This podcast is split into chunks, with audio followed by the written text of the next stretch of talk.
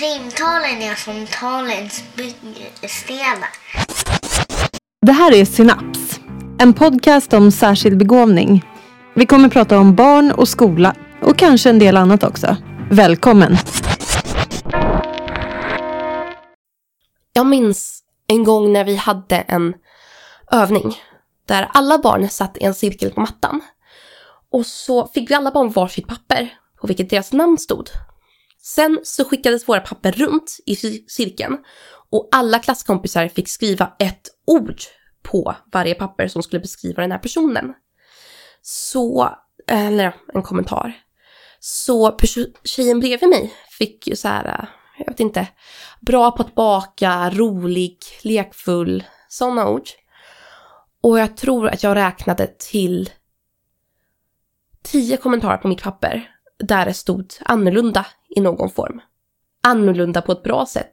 Annorlunda, annorlunda, annorlunda. Hej och välkommen till avsnitt 7 av Synaps. I det här avsnittet intervjuar jag Hanna Lindgren som var 14 år gammal när den här intervjun gjordes i somras. Hanna är extrembegåvad och när vi gjorde den här intervjun så hade hon nyligen fått en autismdiagnos. Och hon är alltså det som kallas för twice exceptional, dubbelt annorlunda. Hanna och jag pratar om hur skolan har funkat för henne genom åren och vilka anpassningar som har gjorts för att hon ska kunna vara där. Det blev ganska mycket prat om utanförskap och ensamhet och känslan av att aldrig passa in. Och en hel del om perfektionism. En sak som verkligen trädde fram under det här samtalet det var hur slumpmässigt det kan vara vilket stöd ett barn får och att de ovanliga barnen riskerar att komma i kläm. Och att även med den bästa vilja från skolans sida så kanske inte det alltid räcker till för att det ska bli bra. Och jag tänker att det skolsystem som vi har, det är anpassat för att de flesta ska passa in, vilket kanske är rimligt i grunden. Men för de som inte är som de flesta så finns det inte så mycket flexibilitet i en vanlig skola. Och det finns barn som blir väldigt lidande av det. Jag har funderat mycket över det här. Hur ska vi förhålla oss till de barn som inte passar in i skolan? Det gäller ju nu inte bara barn med autism utan även barn utan diagnos, men som har hög begåvning till exempel. Är det rimligt att begära att varje skola ska kunna anpassa undervisningen till de mest extrema? Eller borde det finnas fler alternativa skolformer? Jag vill gärna höra vad du som lyssnar tycker om det. Eh, det går att höra av sig på synapspodd.gmail.com eller på synapspodd på Facebook. Det går även att eh, skriva en kommentar på Instagram på synapspodd och man får gärna också följa Synapspodds konto. Det andra som jag tar med mig från det här samtalet är Hannas ord om vilken lättnad det var att få en autismdiagnos. För henne har det gjort enorm skillnad i kommunikationen med andra. Hon får mycket bättre stöd när hon kan förklara sina behov baserat på en diagnos. Efter att intervjun spelades in så har Hanna börjat läsa natur på ett resursgymnasium för elever med autism. Det går fem elever i klassen och de läser programmet på fyra år istället för tre för att slippa ha läxor. Och hon hälsar att hon trivs jättebra och att hon har fått nya kompisar. Då är det dags att dyka in i intervjun med Hanna Lindgren. Hej Hanna Lindgren, jättevälkommen hit. Tack så mycket, det är trevligt att vara här. Eh, vi ska ju prata om dig. Mm. Eh, det, det, är flera som jag har pratat om med som har eh, lyssnat på podden och så har de sagt att de så gärna skulle vilja höra någon, någon prata som faktiskt har erfarenhet själv, som är, eh, själv är ett barn med särskild begåvning. Ja. Och du har ju dels en extremt hög begåvning och mm. sen du, har du nyligen även fått veta att du är twice exceptional. Ja, ah, precis. Så jag har autism också. Mm. Så jag tänkte om vi kunde börja med att prata om hur, liksom, att vara extrembegåvad, vad betyder det? Så att vara extrembegåvad är helt enkelt, ja, jag gissar att ni som lyssnar på det här har hört termen särbegåvad. Och extrembegåvad är helt enkelt att vara mer särbegåvad. Så man är ju särbegåvad över 130 brukar vara den vanliga gränsen som man pratar om. Um, och sen så, nu finns de här termerna egentligen bara på engelska, men man pratar om um, highly gifted vid 140 eller 150 tror jag, exceptionally gifted vid eh, 160 170 och profoundly gifted vid eh, 180. Och vi tror att det är den eh, högsta pr- eh, PG som jag ligger på. Okej. Går det ens att mäta det? Alltså, typ, men inte på det vanliga sättet. I Sverige så kan man inte mäta högre än, eh, jag tror det är 160. IQ-testerna når liksom inte längre än så. Men när jag gjorde mina så fick jag alla rätt på många delar. Um, och det är inte, jag tror egentligen att det är framförallt i USA som det går att eh, faktiskt mäta, ja men liksom upp över 160. För där har de någonting som kallas för um, extended merits eller något sånt, tror jag. Men eftersom att jag inte eh, har engelska som moderspråk kan jag inte göra de testen. Utan istället så har jag träffat en psykolog som specialiserar i eh, människor som är väldigt högt begåvade. Eh, och där så har det mer handlat om att ha men många samtal och att jämföra min upplevelse av världen med andra människor som också är ja, väldigt smarta. Så vi tror att jag ligger högt upp, men vi vet ju inte, det går inte att garantera liksom, för jag kan inte göra några ak- faktiska test. Och vad betyder det då? Hur många är det som ligger på 160-170? Um, ja, 160-170 tror jag det är, om det är en på 100 000 eller något sånt där tror jag. Eh, och när man kommer upp på runt 180 så ehm, är det ja, bokstavligt talat en på miljonen ungefär. Ehm, så det är ja, inte jättevanligt. Okej, och vi, jag tänkte vi ska prata mer sen om hur din begåvning har på, påverkat dig i skolan. Men Ja. först så tänkte jag att vi också skulle gå in på det här med autism. Ja. K- vad är det du har liksom fått för diagnos nu? Ja, så jag har fått diagnosen eh, autismspektrumtillstånd nivå 1, vilket är mer eller mindre så att säga den nya versionen av Asperger som mer av er kanske känner igen. Um, så ja, jag är väl inte, i och med min begåvning så är jag inte ett klassiskt exempel på autism precis. För att min hjärna arbetar på sätt som till ganska stor del kan kompensera för de synliga delarna av det. Så för min del så innebär det att jag... Det som att väldigt mycket av sakerna som andra människor gör automatiskt får jag tänka på. Så när någon automatiskt ger ett leende när de träffar någon så tänker jag på att okej, nu ska vi le, nu så ska vi höja ögonbrynen så här. Jag tränar på ansiktsuttryck framför spegeln för att få det att ja, fungera. Kroppsspråk och sånt är också sånt som jag tänker på. Jag vet att jag lutar mig framåt för att signalera intresse, eller lutar mig bakåt för att signalera att jag inte är intresserad. Det, Det låter ganska ansträngande. ja, det är det. Jag blir väldigt, väldigt trött av sociala sammanhang. Jag kan tycka att det är väldigt roligt, men när jag kommer hem så gäller det att läsa en bok i fem timmar eller köra en lång, lång Netflix-bench. Det tar otroligt mycket energi att göra de saker som normala människor ja, bara gör. Mm. Det finns en ganska stor sensorisk del av det också.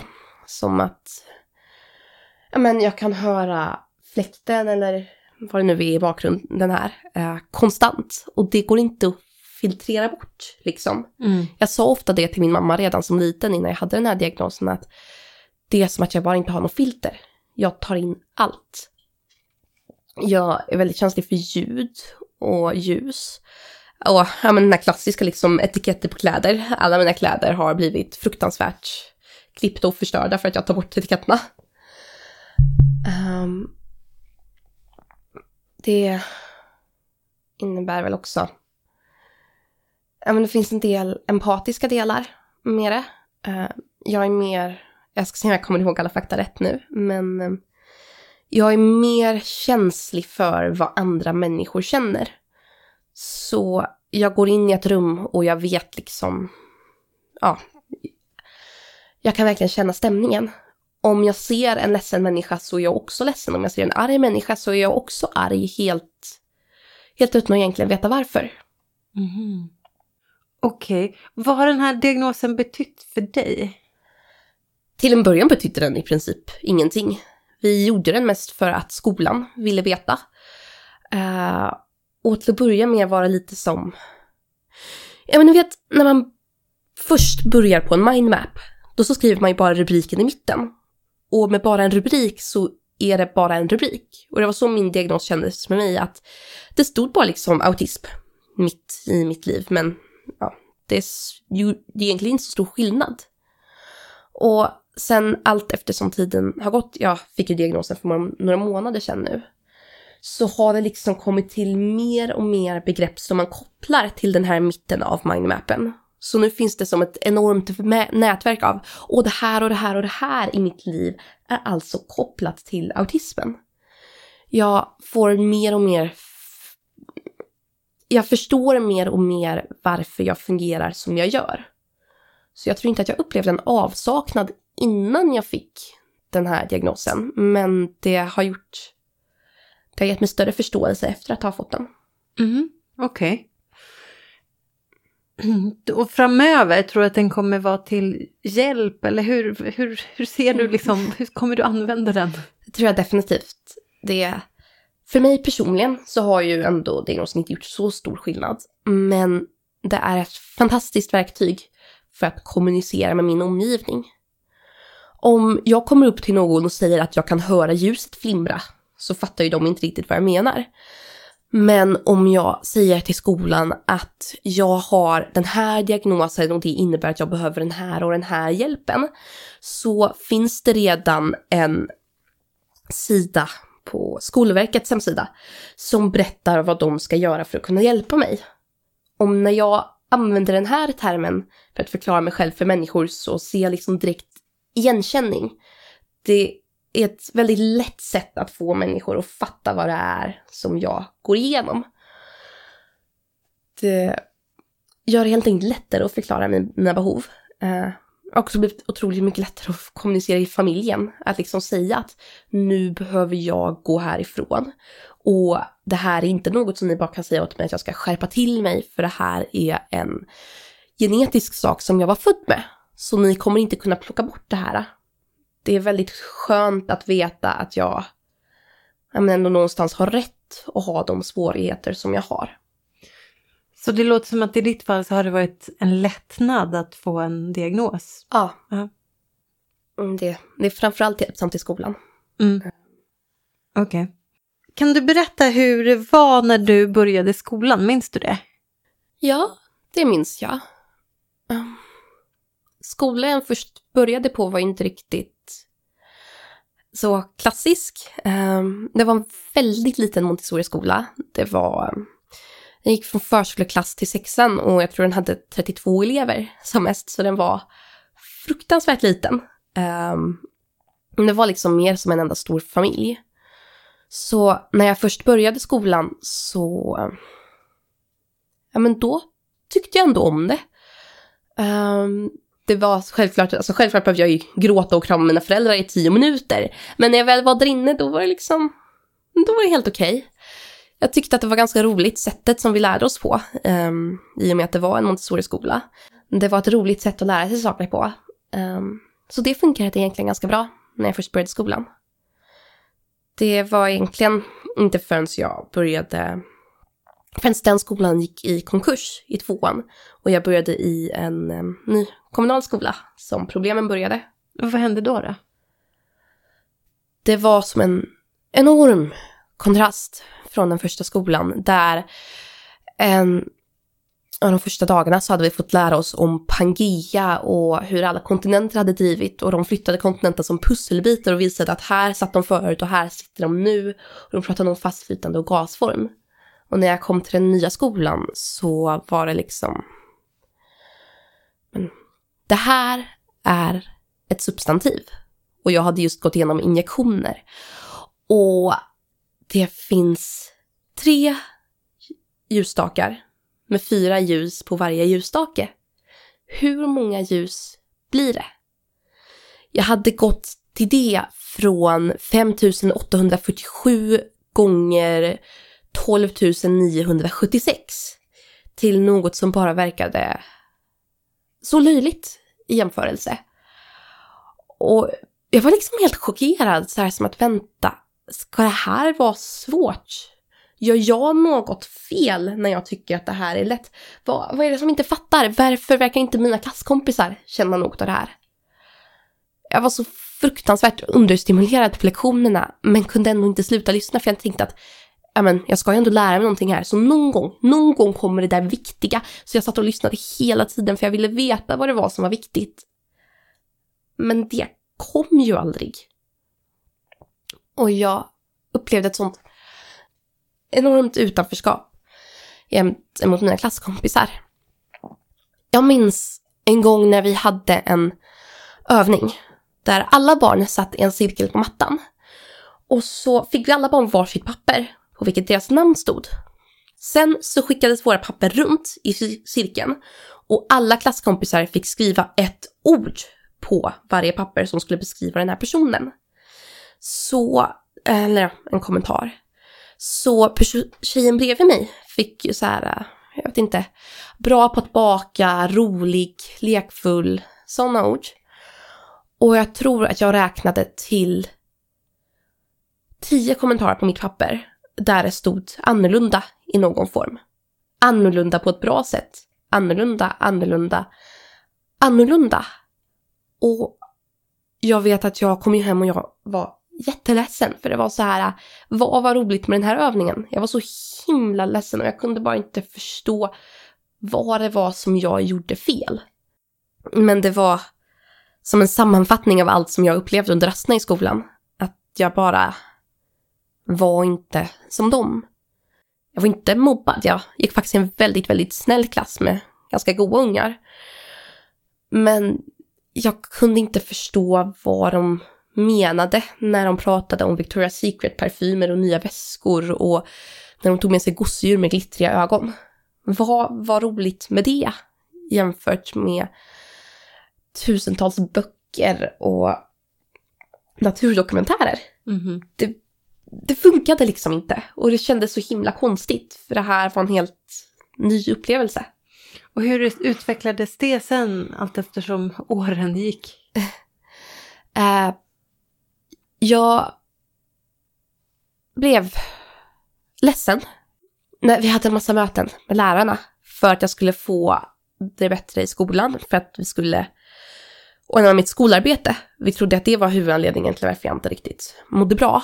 Uh, men om vi ska vara helt uppriktiga så gör känguru inte så himla stor skillnad när hela skolsystemet bara känns fel.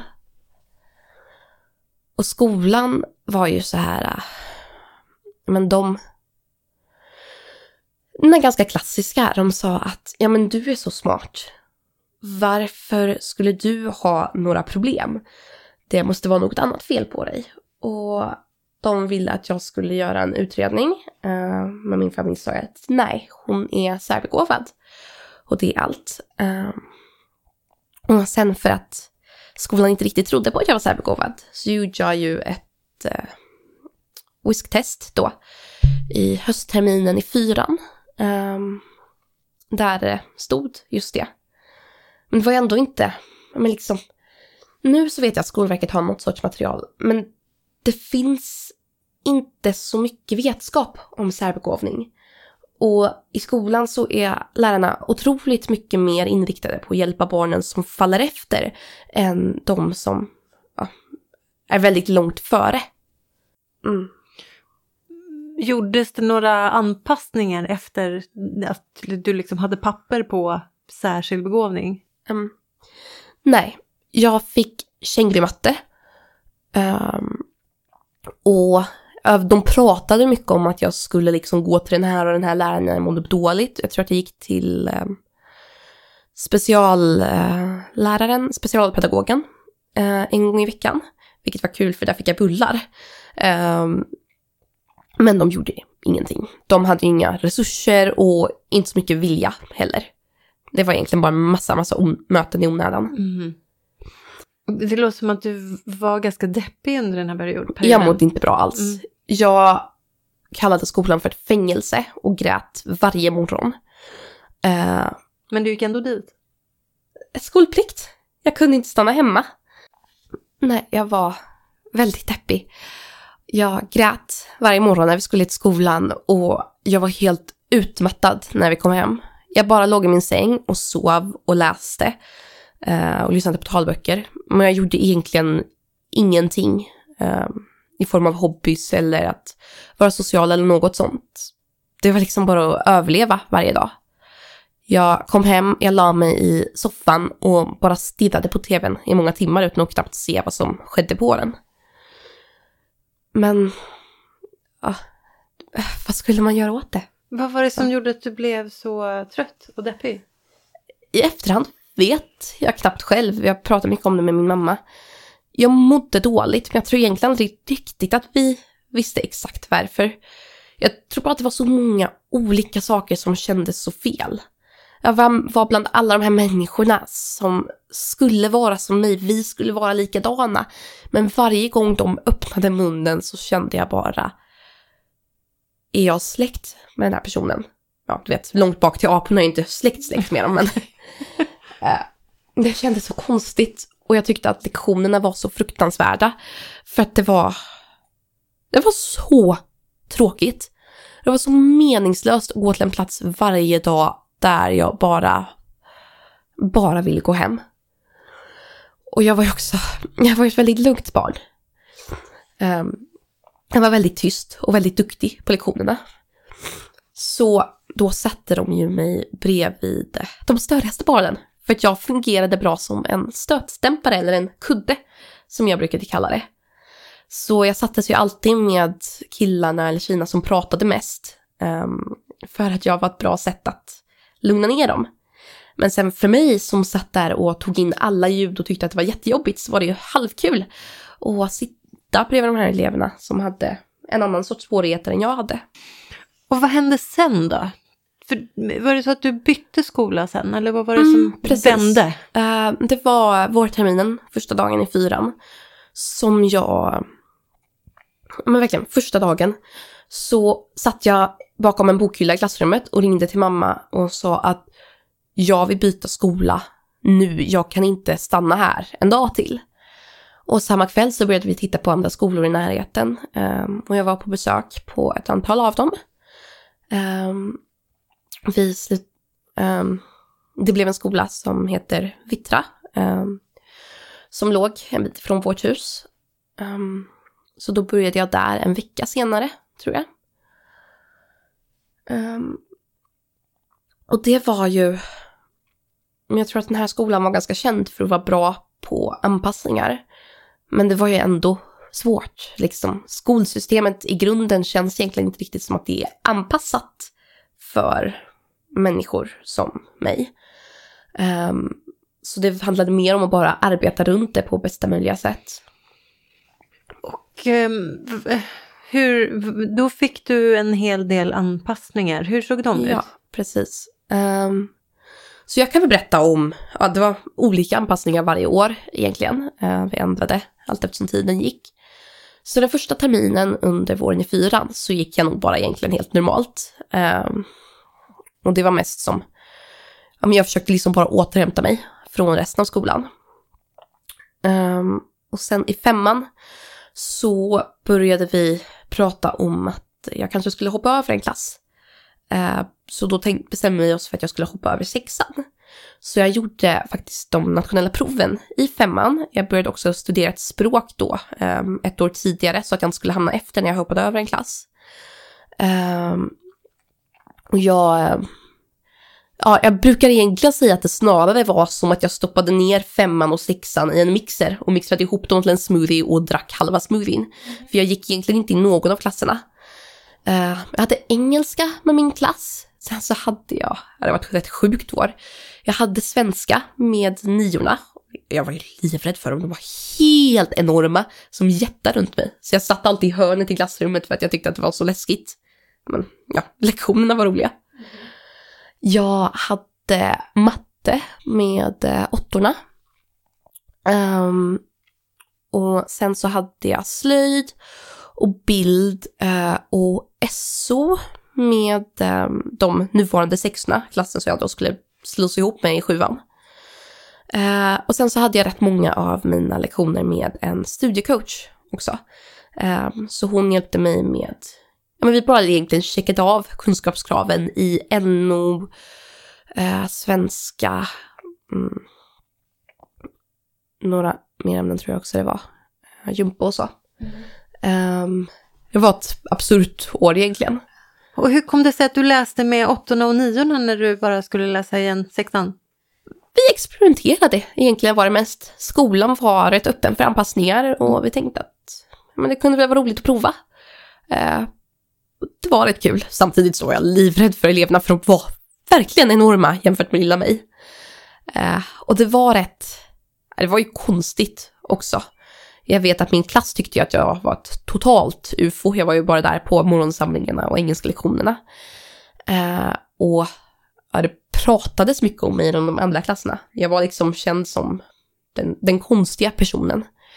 Eh, jag minns en gång i kapprummet när um, klassen under mig um, pratade om mig och sa att, uh, ja men de frågade mig, du är för smart för oss, eller hur? Vilket, det var en konstig känsla. Um, för det var inte som att du är smart, vilket också är en konstig känsla, utan det var verkligen, du är för smart. Du passar inte in här, du borde inte vara här. Och, alltså, de sa ju inte det, men det var så det kändes. Var det som ett, liksom, en avundsjuka eller bara att du, var, du är för konstig? Jag tror att det var många som var avundsjuka på mig. Och jag var avundsjuk på dem för det var så här, men ni får vara normala. Jag vill också vara normal, låt mig vara normal. Um, och det var... Det var svårt att ha vanliga relationer. För att jag var alltid så annorlunda från människorna runt mig.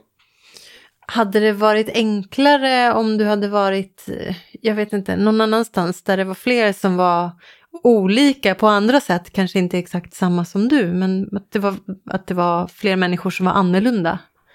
Förmodligen, men det hade nog också kunnat posera andra svårigheter. Um, men ja, jag skulle tro att det var lätt, skulle ha varit lättare. Mm.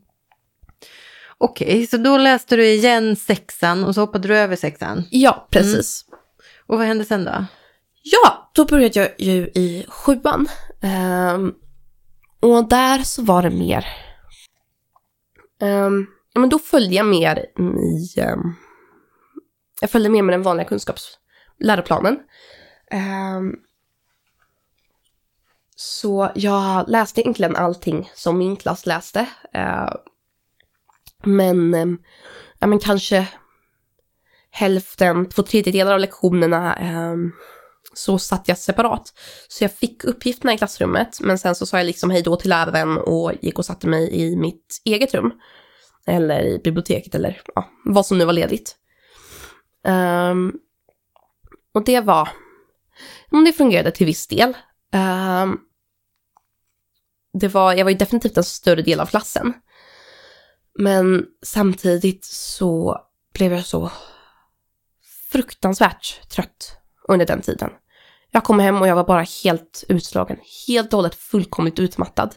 Jag pratade mycket om hur jobbigt det var med alla ljud och jag tyckte att dramat med de andra tjejerna i klassen var så himla jobbigt. Jag åt ofta lunch ensam bara för att jag inte orkade med att ta del av alla de debatterna.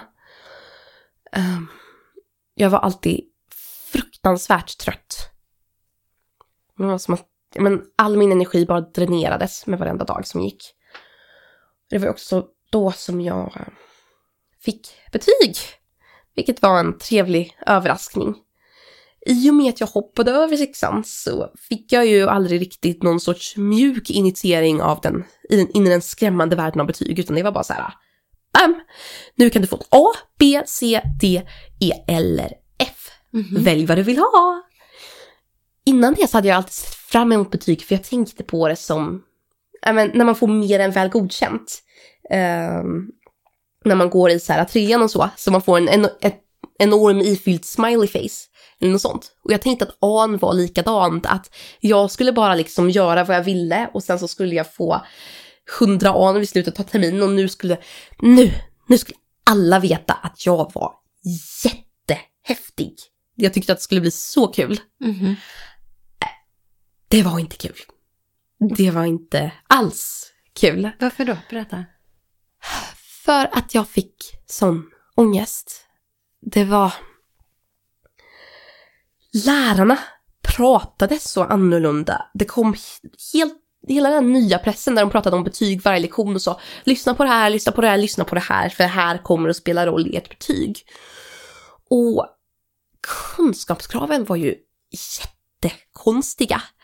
Att skriva med välutvecklat språk och ta, ja men uppvisa um, bra förmåga att jämföra. Det var så många konstiga termer. Och jag kunde aldrig riktigt ge mig, begripa mig på vad det betydde.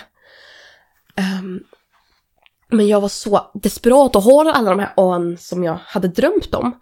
Så eftersom att jag inte riktigt visste precis vad ett A var, så gav jag bara allt. Hela tiden. Jag kastade liksom in hela min själ i den där texten. För att jag tänkte att om jag gör det så bra det absolut bara går, då så måste jag väl nå A någonstans på vägen. Och det gjorde jag ju. Till priset av min, mitt totala välmående. Jag visste ju bara inte riktigt vad det egentligen var som förväntades av mig. Så jag gav så mycket mer än vad som förväntades av mig bara för att vara säker på att jag nådde alla mina egna förväntningar. Och varje gång som jag fick återkoppling från lärarna så sa de ju liksom att men, det här är A med tre stjärnor efter det här är helt... Du, du har överarbetat det här lite. Varför var det så viktigt att få an? Jag visste knappt själv. Jag hade bara den här idén i mitt huvud av att A var alla rätt. Och om jag inte får A, om jag inte har fått alla rätt, då har jag alltså gjort något fel. Om jag har gjort något fel, då är det fel på mig för jag har gjort fel. Jag är fel. Jag är bara ett misstag. Jag borde inte, jag borde inte finnas. Jag måste få A. För att jag måste vara perfekt. För om jag inte är perfekt så är jag fruktansvärd.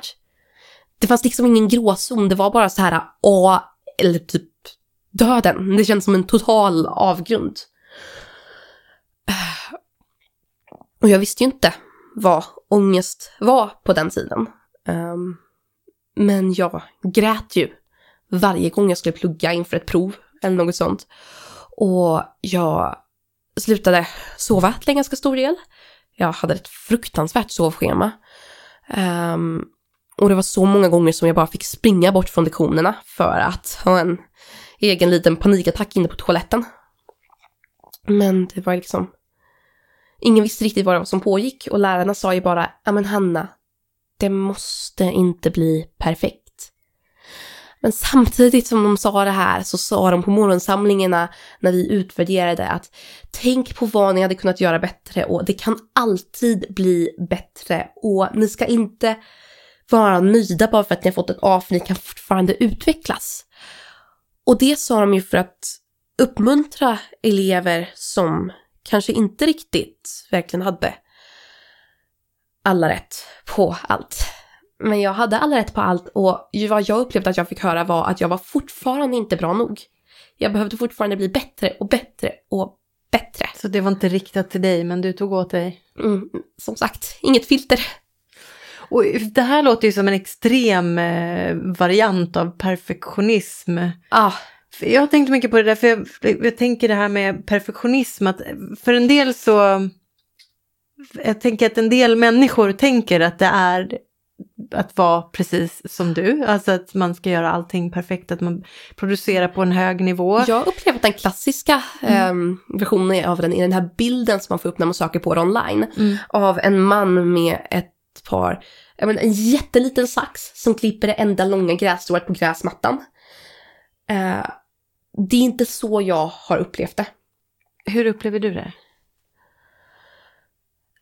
Alltså, det är alltid svårt att säga. Jag får ofta frågan liksom, men vad är perfekt då Hanna? Och det är så svårt att beskriva.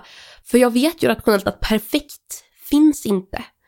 Perfekt är ingen sak egentligen. För teoretiskt sett, om man är perfekt, då så är man inte ärlig mot sig själv eller mot andra och i så fall så är man ju inte perfekt helt plötsligt, eller hur?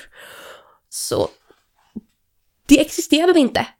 Men även när jag vet det så är det mer av, men det handlar mer om att bara uppfylla mina egna skyhöga förväntningar. Att om jag ser någon göra en piruett online så ska jag också träna i tio timmar tills jag också kan göra en piruett. Eller gå ner i split eller spagat eller kunna få ett A på ett religionsprov. För, för jag tänker på så som det tar sig uttryck för många människor eh, om man har liksom en stor nivå av perfektionism. Det, det är väl att man bara blir helt blockerad istället. Ah. Och att man bara till slut inte gör alls. Att man, eller kanske att man gör antingen eller, att antingen är det av eller så är det på. Mm. Eh, men det låter som att du är hela tiden på. Ah. Eller finns det saker där du blir helt blockerad också? Snarare för mig var det, jag hade ju enorm ångest inför skolarbetet på grund av perfektionismen. Men det enda som jag kunde tänka på var, som var värre var ju att inte göra det här skolarbetet jag hade ångest från. Så det var lite som en, som en sånt här äh, tag of war, dragkamp, där det fanns ångest på båda sidorna och det var bara att avgöra vilken som var värre. Och jag tror egentligen att jag stannade, jag också. Men jag stannade inte i skolan. Jag var alltid på i skolan, jag gjorde alltid allt perfekt i skolan. Så det som led istället var saker som min energi, min sömn, mitt sociala umgänge. När jag kom hem så fanns ju jag inte längre. Då kraschade jag, då så låg jag bara i sängen och stirrade i taket och det fanns inte nog av mig för att kunna vara både Hanna i skolan och Hanna hemma. Utan hemma så var jag liksom bara ett spöke. Mm. Jag tänker, det, det låter ju som att det här då delvis orsakades av att du ville ha så bra betyg på allting. Ja. Om du tänker dig att det inte fanns några betyg, hur hade det sett ut tror du? Jag tror att det hade varit så mycket bättre. Det, jag har ofta fått den frågan och ja, i min drömvärld så finns det inga betyg. I min drömvärld så, jag tror jag skrev en text om det någon gång. Jag pratade om att man skulle ha antagningsprov till jobb istället. Och att betyg skulle avgöras på något annat sätt och att, att inte ha betyg vore underbart. Det har varit som liksom, den enorma förbannelsen i mitt liv. Mm. Och vad hände, om vi går tillbaka till eh, liksom högstadiet och de här anpassningarna, vad hände, hur gick det sen med åttan och nian? Ja, eh, så i åttan så fick jag en eh, ganska fantastisk mentor som, eh, ja, men som såg att det inte riktigt funkade för mig i skolan och gjorde sitt bästa för att hjälpa till. Eh, jag började jobba väldigt mycket i projektform. Vi skalade bort många av de här proven och sånt som var det absolut värsta för min del.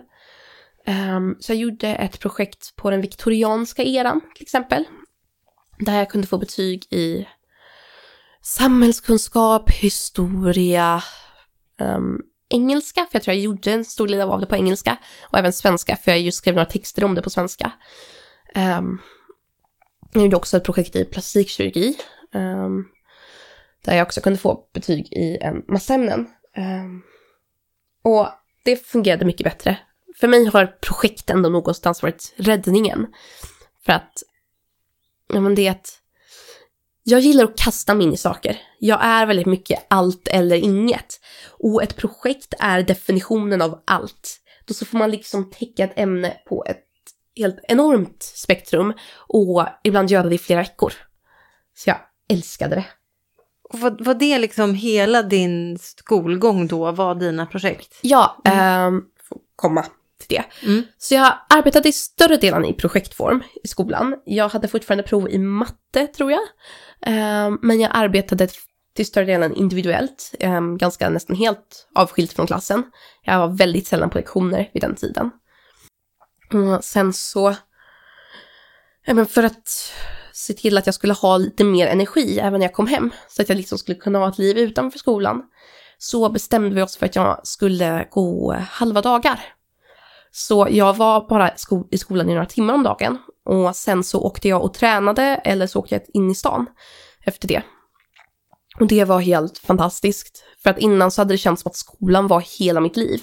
Och att om skolan inte fungerade bra, då fungerade mitt liv inte bra. Och i och med att skolan blev en mindre del av dagen och en mindre del av mitt liv så kunde jag, Hanna, liksom vara en människa även utanför skolan. Um, så det blev mycket bättre. Det var ju dock också väldigt, väldigt ensamt i ännu större högre grad än det hade varit förut.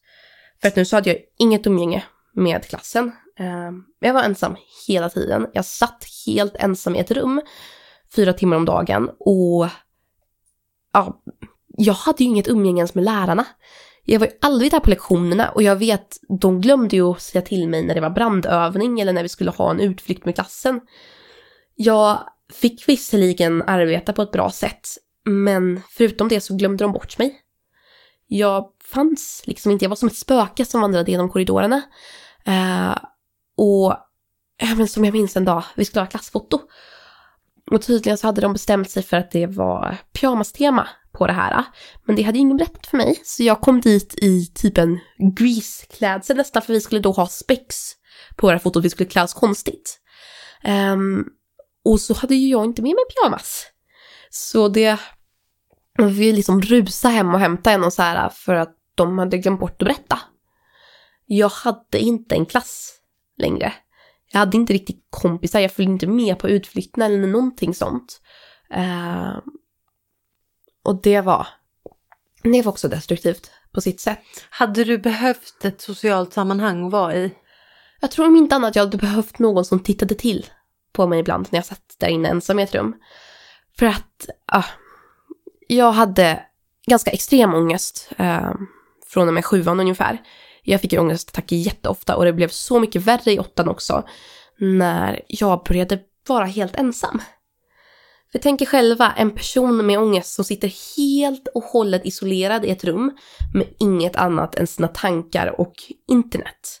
Det är liksom, det är inte alltid en bra kombo. Uh, och det var ganska mycket av att jag liksom bara låg hopkrupen på soffan och inte kunde förmå mig att göra en uppgift för att jag hade så mycket ångest inför den. Och jag träffade ju lärarna så himla sällan. Så det var så svårt att be om hjälp. Jag hade liksom mig själv. Och jag var inte så bra på att hantera min ångest. Mm. Uh, så jag... Vi så provade... Var det att relationen till lärarna blev lidande också? Ja. Uh, jag träffade min mentor en gång i veckan i en timme. Uh, och det var egentligen all kontakt som jag hade med skolan under många månader. Um, så jag kunde ju verkligen, ja men jag undrade ofta, om skolan började brinna, skulle de komma ihåg och kolla om jag var där eller inte? Uh, och det var en obehaglig känsla. Okej, okay, men, men då gick du hela åttan och hela nian på det där sättet? Ja, egentligen. Um, och sen då? Nu har du, du gick ut nian. Äntligen! Ja. ja. Uh, och du gick ut några månader innan skolavslutningen va? Mm, precis. Jag gjorde aldrig de nationella proven för att jag hade för mycket ångest för att klara av dem. Det var bara helt... Det finns en liten, liten mening djupt in i skollagen um, där det handlar om att man kan pysa, som det kallas, de nationella proven, om mm. det... Uh, om rektorn anser att det behövs. Uh, nu minns jag inte exakt vad det står för, men det innebär helt enkelt att jag kunde um, skippa proven, men då fylla kunskapskraven som de skulle ha fyllt på ett annat sätt. Så jag fick jobba lite extra med andra uppgifter, men jag behövde inte ha proven som skulle ha tagit död på min mentala hälsa. Mm. Um, och jag bestämde mig någon gång då i våras för att nej, nu är jag så klar med skolan. Så jag jobbade på som en galning i typ två veckor. Uh, och sen så var jag klar med alla kunskapskraven. Och enligt eh, läroplanen så när en elev är helt klar med alla kunskapskrav, då är de också klara med skolan. Eh, så jag fick ju så här två och en halv månad extra sommarlov. Vilket var helt, helt underbart. V vad har du gjort då då? Jag har mått bra. Mm. Det var så konstigt när jag slutade skolan, för det var... Men, jag kände mig som en ny människa. Jag hade så mycket mer energi och plötsligt alla de här sakerna som att shoppa och sånt som jag aldrig hade kunnat orka göra förut för att jag blev helt dränerad av det. Det var bara som att det fanns mer av mig. Så jag kunde shoppa och gå och träna och baka. Sen eftersom att mina föräldrar inte ville att jag skulle bli en total soffpotatis när jag var hemma så ehm, fick jag eh, praktisera också. Så tre dagar i veckan så jobbade jag på ett eh, fritidshem med då 5 till 7-åringar. Um, ehm, och ja, du vet, så här, pysslade med dem och ja, men de fick rida på min rygg och vi gjorde garnarmband och alla sådana där saker. Kul, så en, en liten extra prao-period liksom. Precis. Mm. Och blev du nöjd med slutbetygen sen det slutade? Uh, ja, men det blev jag ganska nöjd med. Jag fick... Um, jag tappade några betyg. I och med att, ja, men till exempel så kunde jag inte vara med på gympalektionerna för att jag tyckte bara att det var helt fruktansvärt helt enkelt. Ljudvolymen och så var så fruktansvärt jobbig på dem. Um, så jumpa fick jag, ja men vi bara såg till att jag fick ett E i det. Um, men det är ändå helt okej, liksom min merit är hög nog att jag ska kunna komma in på ställena där jag vill och så i alla fall. Ja. Och vad är det du vill göra sen då? Jag vill uh, plugga natur för att, uh, ja mitt mål är att sen studera till läkare. Jag skulle vilja bli en plastikkirurg. Spännande. Och hur är det, vi, vi har pratat lite tidigare om det här med specialintressen och då Ja. nämnde du att plastikkirurgi är ett av dina specialintressen. Kan du prata lite om det? Ehm, ja, men det var, jag gjorde ett projekt på det i åttan. Det var det andra stora projektet jag gjorde i min nyligen anpassade skolgång. Eh, och det var så roligt. Jag började med det och bara upptäckte att, åh herregud, jag älskar det här. Jag tyckte det var en så rolig kombo av ja, men det ganska avancerade medicinska och kirurgiska yrket och samtidigt så fick man det estetiska aspektet. Jag tyckte att det var jätteroligt att fundera över, ja, men liksom, varför gör människor det här? Om jag fick göra det, vad är det jag skulle vilja göra? Och bara som att titta på människor på gatan och fundera på, hmm, har någon lyft deras ögonbryn? Det var ett absurt intresse att ha, men jag blev bara helt fast i det. Jag besökte många kliniker när jag gjorde det projektet också och fick prata med personerna där. Eh, och jag tror att någonstans på vägen så bara bestämde jag mig för att så här, japp, jag ska bli en plastikkirurg. Är det så? För det, jag får lite intrycket att du är intresserad av, det är någon sorts skärning mellan eh, olika, mellan så naturvetenskap och nästan eh, och estetik men också någon sorts nästan sociologisk aspekt. Jag är i grunden ganska, men jag är väldigt eh, artistisk, kreativ. Jag får ofta hobbies som involverar, jag håller på med metallslöjd, att uh, jag har gjort smycken, jag älskade att hålla på med lera ett tag. Um, jag tycker väldigt mycket om de estetiska ämnena. Men jag skulle aldrig kunna föreställa mig att ja, men liksom jobba med det hela tiden. För att jag tycker samtidigt så mycket om ja, men den totala nördigheten som kommer in i så här kemi och biologi. Jag kan bara inte motstå det. Men samtidigt så tror jag att min kreativa sida skulle dö om jag bara jobbade i ett labb hela dagen. Mm. Och plastikkirurgi känns som den perfekta mixen där Ja men det är estetiskt, men det är samtidigt sjukt avancerat för att jag skär faktiskt upp en människa under tiden. Mm. Just det, okej, vad spännande. Och då kanske man har nytta av eh, att kunna verkligen gå in och koncentrera sig på någonting om man nu vill hålla på med kirurgi, om du kommer dit och Ja. fortfarande vill hålla på med det. Ah, jag tror, jag tror det. Det här känns liksom som, ja, det är det jag vill göra. Mm. Eh, har du en tendens att gå in i hyperfokus? Jepp, Mm. totalt. Hur funkar det? Åh, det är... Här är jag så här, för en gång skulle jag uppriktigt glad att vara lite autistisk. Eh, det är en fantastisk känsla. Det är som att man bara ser. Oftast så sitter man, när man kommer in i det så upplever jag att man ofta sitter helt böjd, jättenära ett bord eller något sånt och bara stirrar på något. Um, och så är det som att hela världen smälter bort. Så om någon ropar på mig så hör jag det inte. Utan jag kan bara se det som är precis framför mig och det finns inga tankar i huvudet utom att placera den här tanden med superlim med pincetter på det lilla dinosaurieörhänget. Det är liksom, det är det enda som existerar. Och jag kan gå in i det i flera timmar och ja, men verkligen bara göra den här enda saken och må så bra under tiden. Alltså herregud, det skulle kunna vara något som att färgsortera M&M's men känslan är helt underbar. Kommer det som en baksmälla sen eller är det, är det bra sen också? Så länge jag inte glömmer att äta så är det ingen baksmälla. Mm. Man glömmer att äta ibland. Det, Mm. det händer det också. Det är då det är bra för föräldrar. Just det. Jag tänkte på det här med att du är så väldigt högpresterande. Då undrar jag, är det så, alltså känner du en extra press för att du vet att du har extremt högt IQ? Eller är det orelaterat? Skulle du säga att det, det är liksom, Nej, hur jag upplever nog att jag känner mer press på mig själv genom det.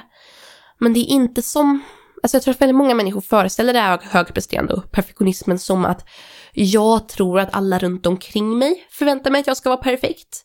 Eh, vilket är den klassiska definitionen. Men för min del så är det snarare så att jag tycker att jag ska vara perfekt. Jag vet att du inte kunde bry dig mindre om ifall jag får ett A eller ett B. Men i mitt huvud så gäller det att få ett A. Men allting kommer liksom från mig. Det är på ett sätt rätt hemskt. Det är som att jag är min egen värsta fiende ibland. Mm. Påverkas det av att du fick veta när du var så ung att du var väldigt smart? Jag antar att det kan ha haft någon sorts inverkan, men jag upplever också att jag egentligen alltid har varit lagd åt det här hållet. Ända sedan jag var liten så liksom grät jag när bilden jag ritade inte kunde se ut som den i mitt huvud. Mm. Det, det pratas faktiskt ofta om, jag har en psykolog som är väldigt duktig på det här. Och hon pratar om att perfektionism är rätt vanligt för människor med min profil. Um, för att det är en sorts coping-metod som hjärnan utvecklar för att uh, inte vara så understimulerad hela tiden. I och med att jag är så pass smart som jag är så är det lite som att jag har mer plats i huvudet och jag måste fylla allt det där utrymmet på något sätt. Och det är... Ja, om ni någonsin har legat vakna väldigt länge på natten så vet ni nog att negativa tankar tenderar att vara bättre på att fånga och hålla uppmärksamheten. Perfektionism är en eh, fin version av negativa tankar. Så det blir ett sätt att använda hela min varelse till något. Det är bara inte alls ett hälsosamt sätt. Mm. Men det är liksom något som min hjärna har utvecklat för att hålla sig själv upptagen. Bra, men jag tror att jag har ställt de flesta frågor som jag tänkte. Är det någonting som du skulle vilja att vi pratade om som vi inte har pratat om? Ja, det är det nog. Um, och vi har pratat om det här lite tidigare redan. Men um, nu vet jag inte exakt vilken sorts personer som kommer lyssna på det här. Men jag gissar att en del av det er kanske är föräldrar till andra särbegåvade eller autistiska barn. Jag hör så många som pratar om det som en etikett och säger att jag vill inte att mitt barn ska få den här etiketten. De är särbegåvade och jag vill inte att ni trycker något annat på mitt barn. Vilket jag så kan förstå, för jag kände på precis samma sätt. Grejen är att om ett barn har svårigheter så har de förmodligen redan en etikett. Och den etiketten kanske kan vara lat eller arg eller rastlös eller annorlunda.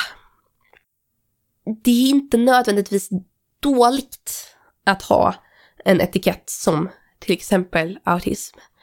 Det kan vara så användbart för att hjälpa andra människor förstå vad man behöver.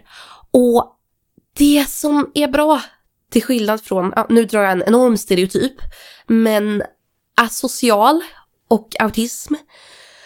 Asocial kommer någon kanske säga att, ja men tala bara med mer melodi i rösten, var bara mer utåtagerande, bara träna på att prata med människor och träna på att njuta av det.